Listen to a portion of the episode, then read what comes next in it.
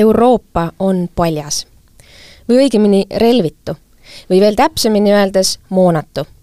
Ukraina sõda on pannud Euroopa Liidu ja NATO liikmesriike vaatama otsa valusale küsimusele. kas me oleme päriselt valmis end kaitsma? kas ka sellise agressiooni vastu, mida Venemaa näitab praegu Ukrainas? miks sellele küsimusele kuigi kaua vastata ei tahetud ja milline on praeguseks selgunud kalk tõsiasi? räägime kohe lähemalt. See on Eesti Ekspressi podcast, mina olen saatejuht Grete Lehepuu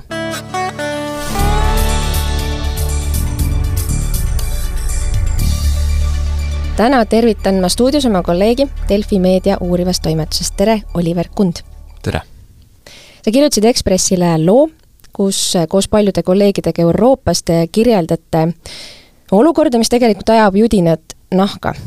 enne kui me sinna nagu süvitsi läheme, ole hea, võib-olla vii meid korraks ähm, kirjelduses Donbassi rindele, ühe Ukraina sõduri olukorda, mida sa loos ka meile kirjeldasid me oleme viimastel kuudel rääkinud Euroopa äh, praeguste kaitsjatega Ukraina rindel ukrainlastega, kes äh, Euroopa moona kasutavad, laskemoona.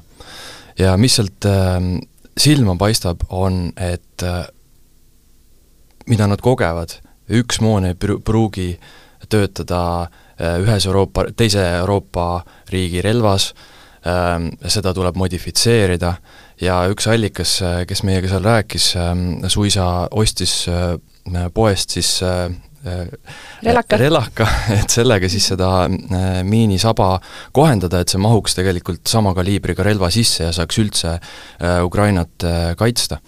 no ma korra teen siia pausi, et me kõik saaksime aru.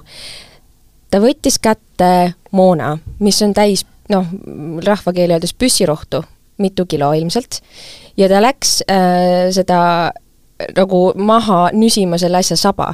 see on ju äärmiselt ohtlik absoluutselt, see oleks igas muus olukorras mõeldamatu, aga Ukrainas on seis selline, et rindele saabub seda laskemoona, mida parasjagu tuleb, mida liikmesriigid annavad. antud juhul oli see Soome moon, mida oli vaja lasta Itaalia miinipildujast, mis äh, kandis küll sama kaliibri ähm, mõõtu siis äh,, ent ikka sinna ei sobinud. ja seal taga on üks suur ja sügav maailm ähm,, mille võib kokku võtta koondsõnaga Euroopa relvatööstus ja selle nüansid kas selle konkreetse sõduri, ja ta, ja ta tõesti andis teile ju intervjuu ja kirjeldas, kuidas tema on käitunud, kas ta on nagu ekstreemne näide või on seda olukorda lademetes? see ei ole mingi äh, ühekordne juhtum, seda on äh, Euroopas äh, ajakirjanduses äh, korduvalt varem kajastatud, et relvi tuleb modifitseerida, et üks moon ei mahu äh, sinna relvatüüpi, kuhu ta võiks mahtuda, äh, selle taga on äh, tehaste äh, Mm, siis äh, noh, protek-, riikide protek-, protektsionism ja tehaste arendusmeetmed, nii et nad saaksid müüa relvi, ähm, millele ainult nemad ise moona toodavad. ja see on loo-, loonud tegelikult hiiglasliku äh, kaitselünga, millest ähm, suur osa, ma arvan, Euroopa avalikkusest äh, tänini ei tea. mitte nüüd liiga spetsiifiliseks minna ähm,, aga kuidas siis võimalik on, meil on nagu konkreetse kaliibriga relv ja siis on nagu sama kaliibriga miin, aga see ikkagi ei lähe sinna sisse. miks, kus need erinevused siis on? kui me seda asja oma kolleegidega uurisime, siis pilt, mis avanes, on, on tõesti äh, on tõesti kummaline. Euroopa relvatööstus on aja jooksul, eriti viie, viie, viimase kolmekümne aasta jooksul kujunenud hästi killustatuks. Äh, relvatehaseid on palju, nad on väikesed, toodavad väga äh, edasiarendatud moona, üks nende konkurentsieeliseid on olla erinev äh, siis oma naaberriigi äh, näiteks konkureerivast tehasest ja see on loonud olukorra, kus tõepoolest, nagu ma oma loos kirjutan, äh, ainuüksi saja kahekümne kahe millimeetriseid miinipilduja miine on üle kolmekümne. relvasüsteeme, mida Euroopas toodetakse, on üle saja seitsmekümne erineva ja kui see, sinna panna Ameerika Ühendriigid kõrvale, siis nendel on sama number kolmkümmend viis. see tähendab, et tohutut killustust, killustatust äh, see ei piildu ainult äh, siin miinidega. Äh, näiteks äh, saja viiekümne viie millimeetrised süür, su-, suurtükimürsud, millest on Ukrainas praegu kõige suurem puudus, see reaalsus Euroopas on selline, et Saksamaal toodetud mürsk Prantsuse relva ei lähe, Itaalia relva ta ei lähe. selleks, et seda sealt tulistada saab, saaks, tuleb ähm, kohendada tarkvara ümber programmeerida mürsk. Noh, eks ole, iga kuulaja võib ise ette kujutada, millise kaitselünga selline olukord loob, kui sa ühel hetkel rindel avastad, et sul on moon, aga ta ei lase nii, nagu ta peaks. üks asi kindlasti on arusaadav, ongi see, et me olemegi siin elanud Teise maailmasõja järel ainult selle nimel, et uut sõda ei tuleks ja, ja nii Eesti kui ka teiste Euroopa riikide ütleme siis ähm, kaitse, kuidas öelda siis, üksust nimetame Kaitsevägi, et me ei, me ei ütle ka sõjavägi, et meie, meie mõte ongi kaitsta, mitte rünnata, äh, selleks ilmselt ei ole ka senimaani ju isegi Eestis olnud äh, väga suuri moonaladusid, nendest räägime võib-olla ka nõksa hiljem, mm, aga millekski noh, selles mõttes, et äh, turg ju toimub normaalselt, et need relvatehased on eraettevõtted, mille jaoks nad siis need, seda kõike arendavad, millekski on see ju vajalik olnud senimaani, see turg sellisena? see turg on, nii nagu me oma, oma loos paljastame, tegelikult kujunenud välja Euroopa valitsuste tellimuste mm. järgi. Nad, see on kujunenud välja selle järgi, et pärast külma sõja lõppu äh, Kesk- ja Lääne-Euroopa riigid peaasjalikult loobusid suuri äh, laskemoonavarusid üldse hoidmast, arvates, et suurt sõda enam sellisel kujul mitte kunagi ei tule. see tähendas, et iga uus tehas pidi tootma moona, laskemoona väikeses koguses, ainult tellimuse peale, midagi laost osta ei saa. Äh, selle ühiku hind äh, läks väga kõrgeks ähm, ja, mm, ja iga tehas hakkas otsima oma nišši ja see tekitas ähm, järjest aastati edasi arenedes kõige su-, järjest suurema killustatuse. ja praegu, kes seda tagajärge kogevad, ongi Ukraina sõdurid oma äh, tuhande kilomeetrisel äh, rindejoonel, äh, kes peavad noh, maakeeli öeldes kaiverdama seal lõhkeaineid täis mürskude või miinide otsas. okei okay., ja siis on meil NATO kahe protsendi äh, nõudest, see, et iga riik peaks panustama oma SKP-st kaks protsenti NATO eelarvesse, on palju räägitud, seda ka ei täideta. Eesti siin on eeskujulikemate seas, aga meie panus on siiski piisake meres. kas NATO-l ei ole siis ka olemas äh, selliseid nagu strateegiliste varude nõudeid või, või mis, mida NATO nõuab oma partnerriikidelt relva ja moona suhtes äh,? Selles loos me jõuamegi sellele järeldusele, et tegelikult, et äh, lõpetada see mm, laskemoonavarude drastiline kahanemine Euroopas, siis äh, NATO seadis miinimummäärad, mida, milliseid üksusi ja millise äh, laskemoonavaruga peab üks riik hoidma. aga kui sinna nüüd sisse vaadata, ja eriti valusalt on see Euroop-, Ukraina sõja mm, käigus paljastunud, siis on see, et need riigid on nendele nõuetele aastaid vilistanud. et on tehtud he-, halva mängu juures head nägu, äh, on öeldud, et need varud äh, kuskil on, kuigi nad jär-, eelmisel päeval võib-olla lasti poole ulatuses äh, lahinglaskmistel lihtsalt ära. sa mõtled õppustel või kuskil? jah, jah ja. mm, -hmm. et ähm, õppustel toimuvatel laskmistel, et äh, Äh, see tähendab seda, et üksteist tegelikult peteti ja see on üks juurpõhjusi, miks Euroopa nüüd pärast kuusteist, kaheksateist kuud pärast äh, täiemahulise sissetungi algust alles jõuab vaikselt selleni, et oma moonatoistus käima saada. kõigepealt oli vaja üle saada sellest äh, äh, häbist äh, ja tunnistada iseendale, et me oleme üksteist petnud äh,. See oli vaevaline, võttis kaua, et leida see ühine keel ja mitte üksteist süüdistada. ja ma arvan, et see on üks põhjus, miks need, need poliitilised otsused ja see raha eraldamine on tulnud nii raskelt. Me jõuame nüüd üllatus-üllatus Eesti rollini selles loos ja me võime tegelikult õlale patsutada endale Eesti kodanikena, sest riigina me oleme teinud ära ühe väga suure asja või kas oleme, arutame selle üle. ehk siis meie initsiatiivil mm, hakati arutama Euroopas, et kas me ei saaks teha relvahanget sarnaselt, nagu tehti vaktsiinihange. et äh, kõik koos me hangime ja siis anname esialgu küll Ukrainale, aga hakkame täiendama ka oma ladusid. Kuidas see, kuidas sellega läks? see käib vist alles veel, see on nagu protsess, on ju, aga aga räägi jah, sellest äh, miljoni mürsu initsiatiivist see sünd, äh, ma arvan, Eesti avalikkus seda ei tea seni, see sündis niimoodi, et veebruari alguses aastal kaks tuhat kakskümmend kolm, eks ole, jah.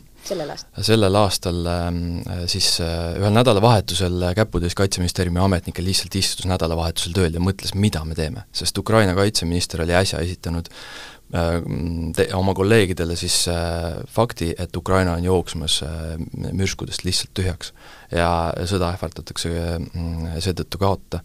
ja meie Kaitseministeeriumi ametnike ettepanek oligi see, et aga mis oleks, kui paneks kõik Euroopa raha kokku kõik riigid saaks osaleda, aga need, kellel endal laskemoona ei ole, saaksid lihtsalt anda raha ja teeks suure koguse hankeid. ja Kaja Kallas käis selle üheksandal äh, veebruaril äh, Brüsselis välja äh, ja sellega läks hästi, Euroopa riigid nägid, et see on hea plaan, täna on see töös, esimesed kaks sammast töötavad, eile öösel ähm, tuli ka kolmanda samba siis äh, otsus, väga valuline otsus, mida kuid tehti ära äh,, kui suur mõju sellel on olnud, me veel ei tea äh,. Juuli keskpaigaks peaks selguma, kui paljud äh, riigid siis on oma varudest või siis uute hangetena äh, Ukrainale moon, laskemoona saatnud, aga fakt on see, et nüüd vaikselt pärast äh, peaaegu et neid äh, kahte aastat siis Euroopa on süstimas raha oma tehastesse, et nemad saaksid tootmist laiendada miks tehased seda ise enne teha ei tahtnud, nõudlus oli ju olemas? Euroopa tehastel on mitu suurt probleemi, nad äh, on oma tootmise poolest kallid, äh, nad on oma mahtude poolest väikesed. Ähm, selleks, et äh, tootmist hoobilt laiendada, on vaja väga suuri investeeringuid, seda raha neil endal ei ole. Ähm, Euroopa pangad traditsiooniliselt väga harva kaitsetööstusele laenu annavad, selline on olnud Euroopa poliitika see tähendab, et äh, nad tahavad, et valitsused võtaksid selle vastutuse enda peale, et nad Euro-, Euroopa jaoks tootmist ho-, äh, hüppeliselt laiendavad. Äh, see põhihirm selle taga on see, et võib juhtuda sama, mis on paljude Euroopa valitsuste äh, mõte olnud juba viimased kolmkümmend aastat, kui sõda ei ole, me enam mitte midagi ei osta. ja seetõttu mm, Äh, tehased tahavad siis, et valitsused annaksid neile viie kuni kümneaastaseid garantiisid, et äh, järgmisel sellisel perioodil teevad nad suuri relvaoste, seda valitsused täna suures plaanis teinud ei ole, kui jätta välja Ida-Euroopa riigid. Kogu meie vestlust Oliveriga on tegelikult kannatlikult pealt kuulanud ka Herman Kelomees, Eesti Päevalehe poliitikatoimetaja, kes võtab kohe-kohe suuna Vilniusesse NATO tippkohtumisele, aga enne seda pisut jõuame rääkida selle loo seosest ja NATO tippkohtumisest, tere Herman! tere! see tundub mulle ikka päris, päris suur pahandus, mis siit loost välja koorub. Äh, Oliver sõnastas seda muidugi väga rängalt, ükski diplomaat seda nii ei sõnastaks, aga see on petmine, partneritevaheline, liitlastevaheline petmine. et ei ole täidetud ähm, kohustusi, mille noh, praegu ukrainlased maksavad verehinnaga, ütleme, muidugi NATO-s ei ole sisse kirjutatud, me seda peame Ukraina kaitseks äh, andma, aga aga see, kas, kas ma reageerin üle, dramatiseerin üle või kuidas liitlased seda NATO tippkohtumise eel tõlgendavad, seda olukorda? Ei, ma ei usu, ma alustaks sellest, et see lugu on väga tänuväärne, no kas või mulle kui inimesele, kes kajastab neid teemasid, Vilnius on äh, väga oluline, äh, NATO on äh, kõige tähtsam organisatsioon Euroopa kaitsel, aga ma tuleks isegi tagasi oma eelmise reisi juurde Brüsselis Euroopa Ülemkogul, kus, kus siis ka Euroopa Liidu riigijuhid otsustasid, et palju jõulisemalt võetakse ette oma kaitsevõime arendamine, miks on see väga oluline, miks me räägime mitte ainult NATO, vaid eriti Euroopa Liidu kontekstis äh, nendest hangetest, selle moona hankimisest, on see, et Euroopa Liit on selleks palju sobivam organisatsioon, et igasugune toetuste jagamine, nagu nüüd seesama äh, kolmas osa sellest äh, nii-öelda miljoni mürsu algatusest, selle eesmärk on siis sedasama Euroopa Äh, kaitsetööstuse tootmisvõimekust arendada, mitte otseselt tellimusi juurde äh, tekitada, mis, mis on võib-olla peamine või üks kõige olulisemaid asju, aga, aga noh, Euroopa Liit kui, äh, kui nagu koostööorganisatsioon on sellisteks asjadeks mõeldud, just et seda killustatust ja kõike sellist oleks vähem kõiges, kõiges, mis meie majanduses, meie siseturul toimub. NATO on, on, on selles mõttes nagu kitsama fookusega, aga miks see Vilnius on eriti, eriti oluline, on see, et Äh, seal kinnitatakse muuhulgas Eesti kaitseplaanid. ehk siis kui hästi on võimalik Eestit Venemaa rünnaku eest kaitsta, sõltub sellest, kui hästi on võimalik töösse panna needsamad plaanid, mis seal Vilniuses ära kinnitatakse. ja kui need plaanid saavad paberile, siis nagu üks Eesti kõrge otsustaja ütleb, on äh, Eesti riigi peamine ülesanne see, et need plaanid ei oleks nii-öelda pabertiiger. ma just tahtsingi jõuda sinna, et kes siis nüüd valvab, et rohkem pettusi ei tekiks?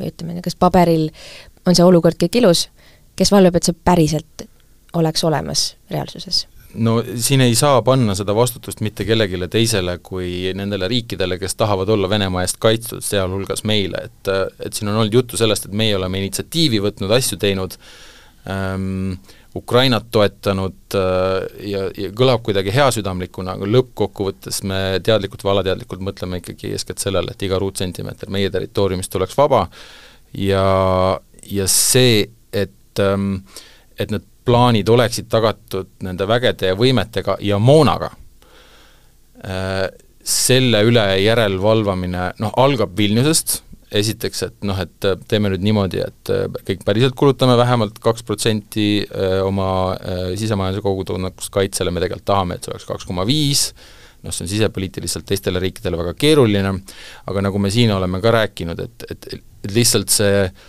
mingi hüpoteetiline nõudlus, noh nüüd riigid kulutavad rohkem raha kaitsele, järelikult saab äh, moonatootjatel äh, olema teadmine, et, et see raha tuleb meile ja hakkame muudkui tootmist suurendama, et see ei käi nii, et äh, tellimusi on vaja. kas tellimusi tuleb? mulle meenub sealt samast artiklist oli veel see koht, kus äh, siis, kui see plaan oli justkui nagu heaks kiidetud, see miljoni mürsu algatus, siis äh, Prantsusmaa president äh, tuli välja omapoolsete täiendustega. mis need olid? Ähm, Prantsusmaa on ähm, Euroopas selles mõttes jah, erijuhtum, et äh, alates kahe tuhande seitsmenda, seitsmeteistkümnendast aastast president Macron ähm, üritab siis tüürida Euroopa Liidu sellise tra-, strateegilise autonoomia suunas et olla Ameerika Ühendriikidest vähem sõltuv, osta sealt muuhulgas ka vähem relvi ja vähem äh, laskemoona.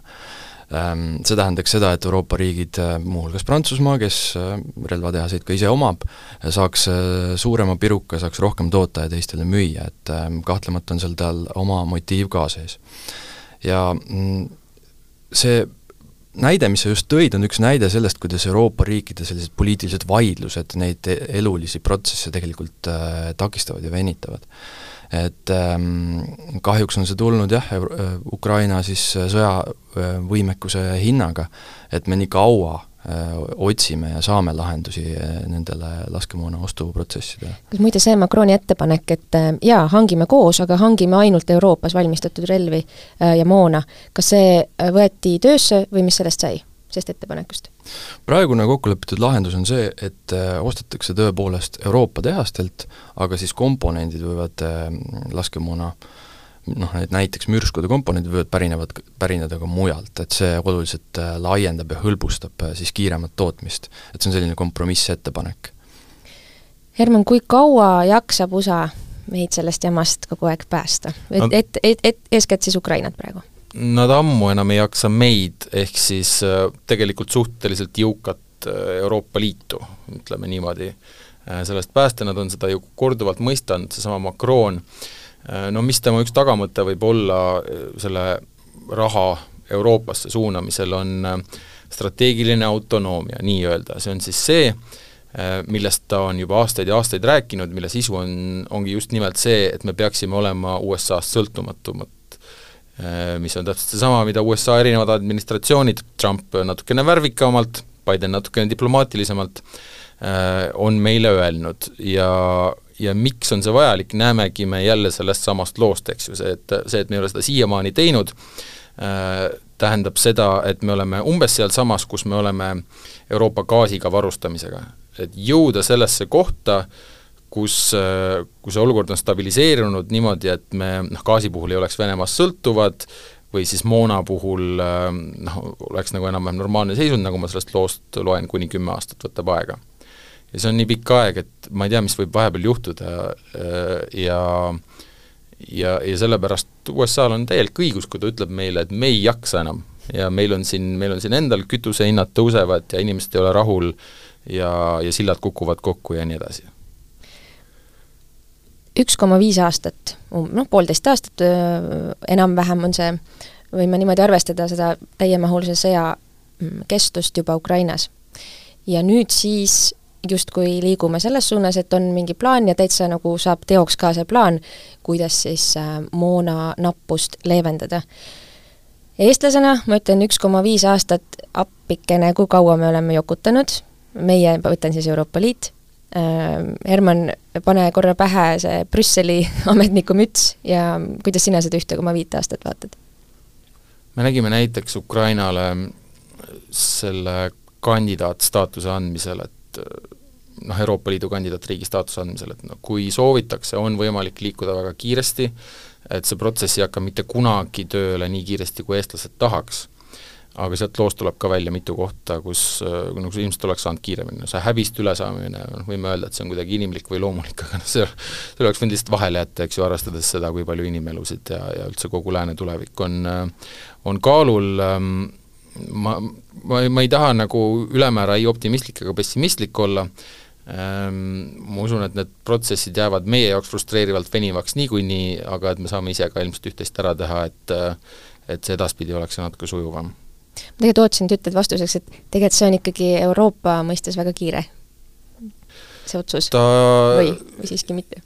no nagu, nagu ma, nagu ma ütlesin, et sa, tegelikult saab kiiremini, tegelikult kui tahe on olemas, saab kiiremini. Ähm, ja, ja küsimus on, ma ei tea, kas see on siis nendes protsessides või et, et, et peab kuidagi osavamalt läbi rääkima, no me räägime siin praegult nüüd sama ju ka sellest, et kas välis- ja julgeolekupoliitikas peaks ära kaotama siis selle konsensuse nõude, et viimne kui üks riik peab nende asjadega ähm, nõus olema, noh see on problemaatiline, kui seda teha, eks ju, sest et siis need riigid, kes jäävad vähemusse, võivad muutuda tusaseks, hakata mingisuguseid muid asju blokeerima, nagu me sellel samal ülemkogul, millest ma alguses rääkisin, ka juhtus, aga aga teisest küljest, et, et see kõik oleks operatiivsem, võib-olla on seda vaja kaaluda, aga me teame, et siin on ka Eesti juhtivad poliitikud täitsa nagu eri meelt muideks Ungari selles küsimuses, kus tema positsioneerub?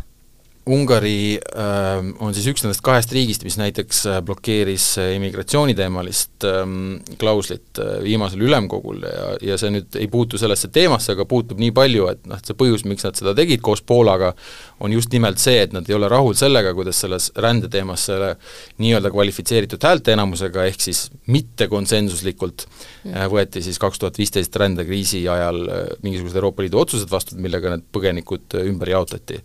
no see situatsioon situatsioon iseenesest näitab, et äh, kuidas, kuidas meil on tõesti raske jõuda sellesse, sellesse olukorda, kus, kus see Euroopa Liit hakkaks meile soovitud tempos tööle. et me võime va-, valida otsustamiseks mingi teise meetodi, aga see siis avab mingisuguse järgmise probleemi, et see on niisugune nokk kinni saab alati olukord. Vilniuse tippkohtumise eel väga suur küsimus on sellest, Ehm, väga suur ootus on sellele, mismoodi siis sõnastatakse Ukraina jaoks see ootus või, või tegelikult ka konkreetsemalt sellised äh, etapid äh,, kuidas tal on võimalik saada NATO liikmeks. see on nagu hästi suur küsimus, mis on, mis on õhus. Kui suur küsimus on see, millest me täna oleme rääkinud, kogu see NATO noh, poolpaljas olek, kas, kas see on ka mingisugune pingeallikas nendel läbirääkimistel seal? Teatava vingeallikas ta on. mitte nii suur kui see Ukraina küsimus, mis on selgelt põhiline vaidluskoht, kus ei ole kokkulepet siiamaani, aga äh, tõesti on väga keeruline riikidel, kelle kaitsekulutused on noh, ma ei saa, seal kuskil ühe koma nelja protsendi juures ja kus, kus see eelarved nendes noh, nii-öelda küpsemates riikides on juba nii paika loksunud, et palju läheb pensionitele, sotsiaalteenustele, ühistranspordile ja nii edasi nii edasi, ehm, kus ja mille sisemajanduse kogu, kogutoodang on ka nii suur, et see suurenemine on lihtsalt nii suures rahas mõõdetav, et nendele on, on see jube raske ehm,. Aga tundub, et see kahe protsendi kokkulepe on siiski sündimas, samas tuleb meenutada, kaks tuhat neliteist Walesi tippkohtumisel oli ka umbes selline kokkulepe, aga noh, see oli siis kuidagi nagu soovituslikumat laadi, nii et see meie ettekujutus, et see kaks protsenti on alati olnud kohustuslik, võib-olla nii väga paika ei pea, aga lühike vastus su küsimusele on, et ka siin on Eesti diplomaatidel, meiega sarnaselt mõtlevate riikide diplomaadil ikkagi veel tööd teha, et, et kuidas jõuda sinnamaani. Ja võib-olla kõige suurem küsimus on see, et noh, kui see sõda nüüd äkki lõpeb ära, nii nagu me tahame. Et kuidas siis teha, et me sellesse mugavustsooni tagasi ei lange, et kus, kuidas me ei hakka jälle arvama, et mingisugune ajaloo lõpp on saabunud. Ja, ja, ja ma ei, ei hakka neid tellimusi tühistama või seda, seda võetud suunda juba ära lõpetama. Ja Eesti on siin hea suunanäitaja, üks meie pakutavatest ideedest on see, et et äh, NATO võiks määratleda, kui suure osakaalu kahest protsendist peab siis äh, tulevikus äh, laskemoona ostmisele kuluta-, kulutama et nii saaks seda tagasilangust ära hoida ja võib-olla siis tõesti viiekümne aasta jooksul need äh, tühjad Euroopa laskemoonalaod jälle nagu paremasse seisukorda saada. ja see on sul tegelikult palju parem vastus Grete küsimusele, sest et ongi noh, meil on sellest kahest protsendist omakorda viiendik peaks kuluma kaitseinvesteeringutele ja Eesti läheb seal võitlema siis ka selle eest, et, et ka see määr suureneks, see on väga oluline. Oliver, seesama Ukraina sõdur, kellest me alustasime ähm,, mi-, mis emotsioonidega te intervjuu lõpetasite, ma mõtlen, et et ega ütleme, kui ta, kui sa, kui ta sulle praegu helistaks ja küsiks, et noh, lugu on tehtud vinge, kas nüüd tuleb mingi muutus? Või, või, või, või olen mina see niisugune naiiviteri prillidega praegu, et, et tal on see lootus, et äh, ma küsin siis võib-olla siis niipidi, kaua ukrainlased veel kannatavad? ootate meie järgi Nende jaoks on tuuled juba mõnevõrra muutunud, et käimas on Ukraina pealetung, siis kui meie rääkisime, oli veel nii-öelda rinde hoidmine ja vastase ähm, pidurdamine äh,. Ma arvan, et pealetungi ajaks on nad paremini varustatud, kõik on paremini veidi läbi mõeldud kauaks seda ressurssi on, on väga suur küsimus, äh, sellepärast et ma arvan, et ka üks põhjustest, miks pealetung venis, oli see, et oli vaja saada piisav kogus äh, relvi ja laskemoona ähm, nii-öelda töötama omavahel. Ähm, kauaks ukrainlased jätkavad, äh, see on küsimus, vastus, tähendab, mida keegi meile ju ei anna, et see on see kõige suurem miljoni dollari küsimus. ma võin see miljon dollarit võtta kohe, ma tean, vastus on see, et me jätkame, kuni me võidame. see, see, see, aga kui kaua see kestab, jah, see on, see on veel teadmata. aitäh, äh, Oliver ja Herman, selle vestluse eest minge lugege Ekspressi veebist kõik seda lugu ja meie podcast on ka igal nädalal kättesaadav äh, nii teie podcasti rakendustest kui ka Delfi taskuäpist, laadige äpp alla, märkige podcast enda lemmikuks ja saate kohe teate, kui uus osa on väljas. kõike head!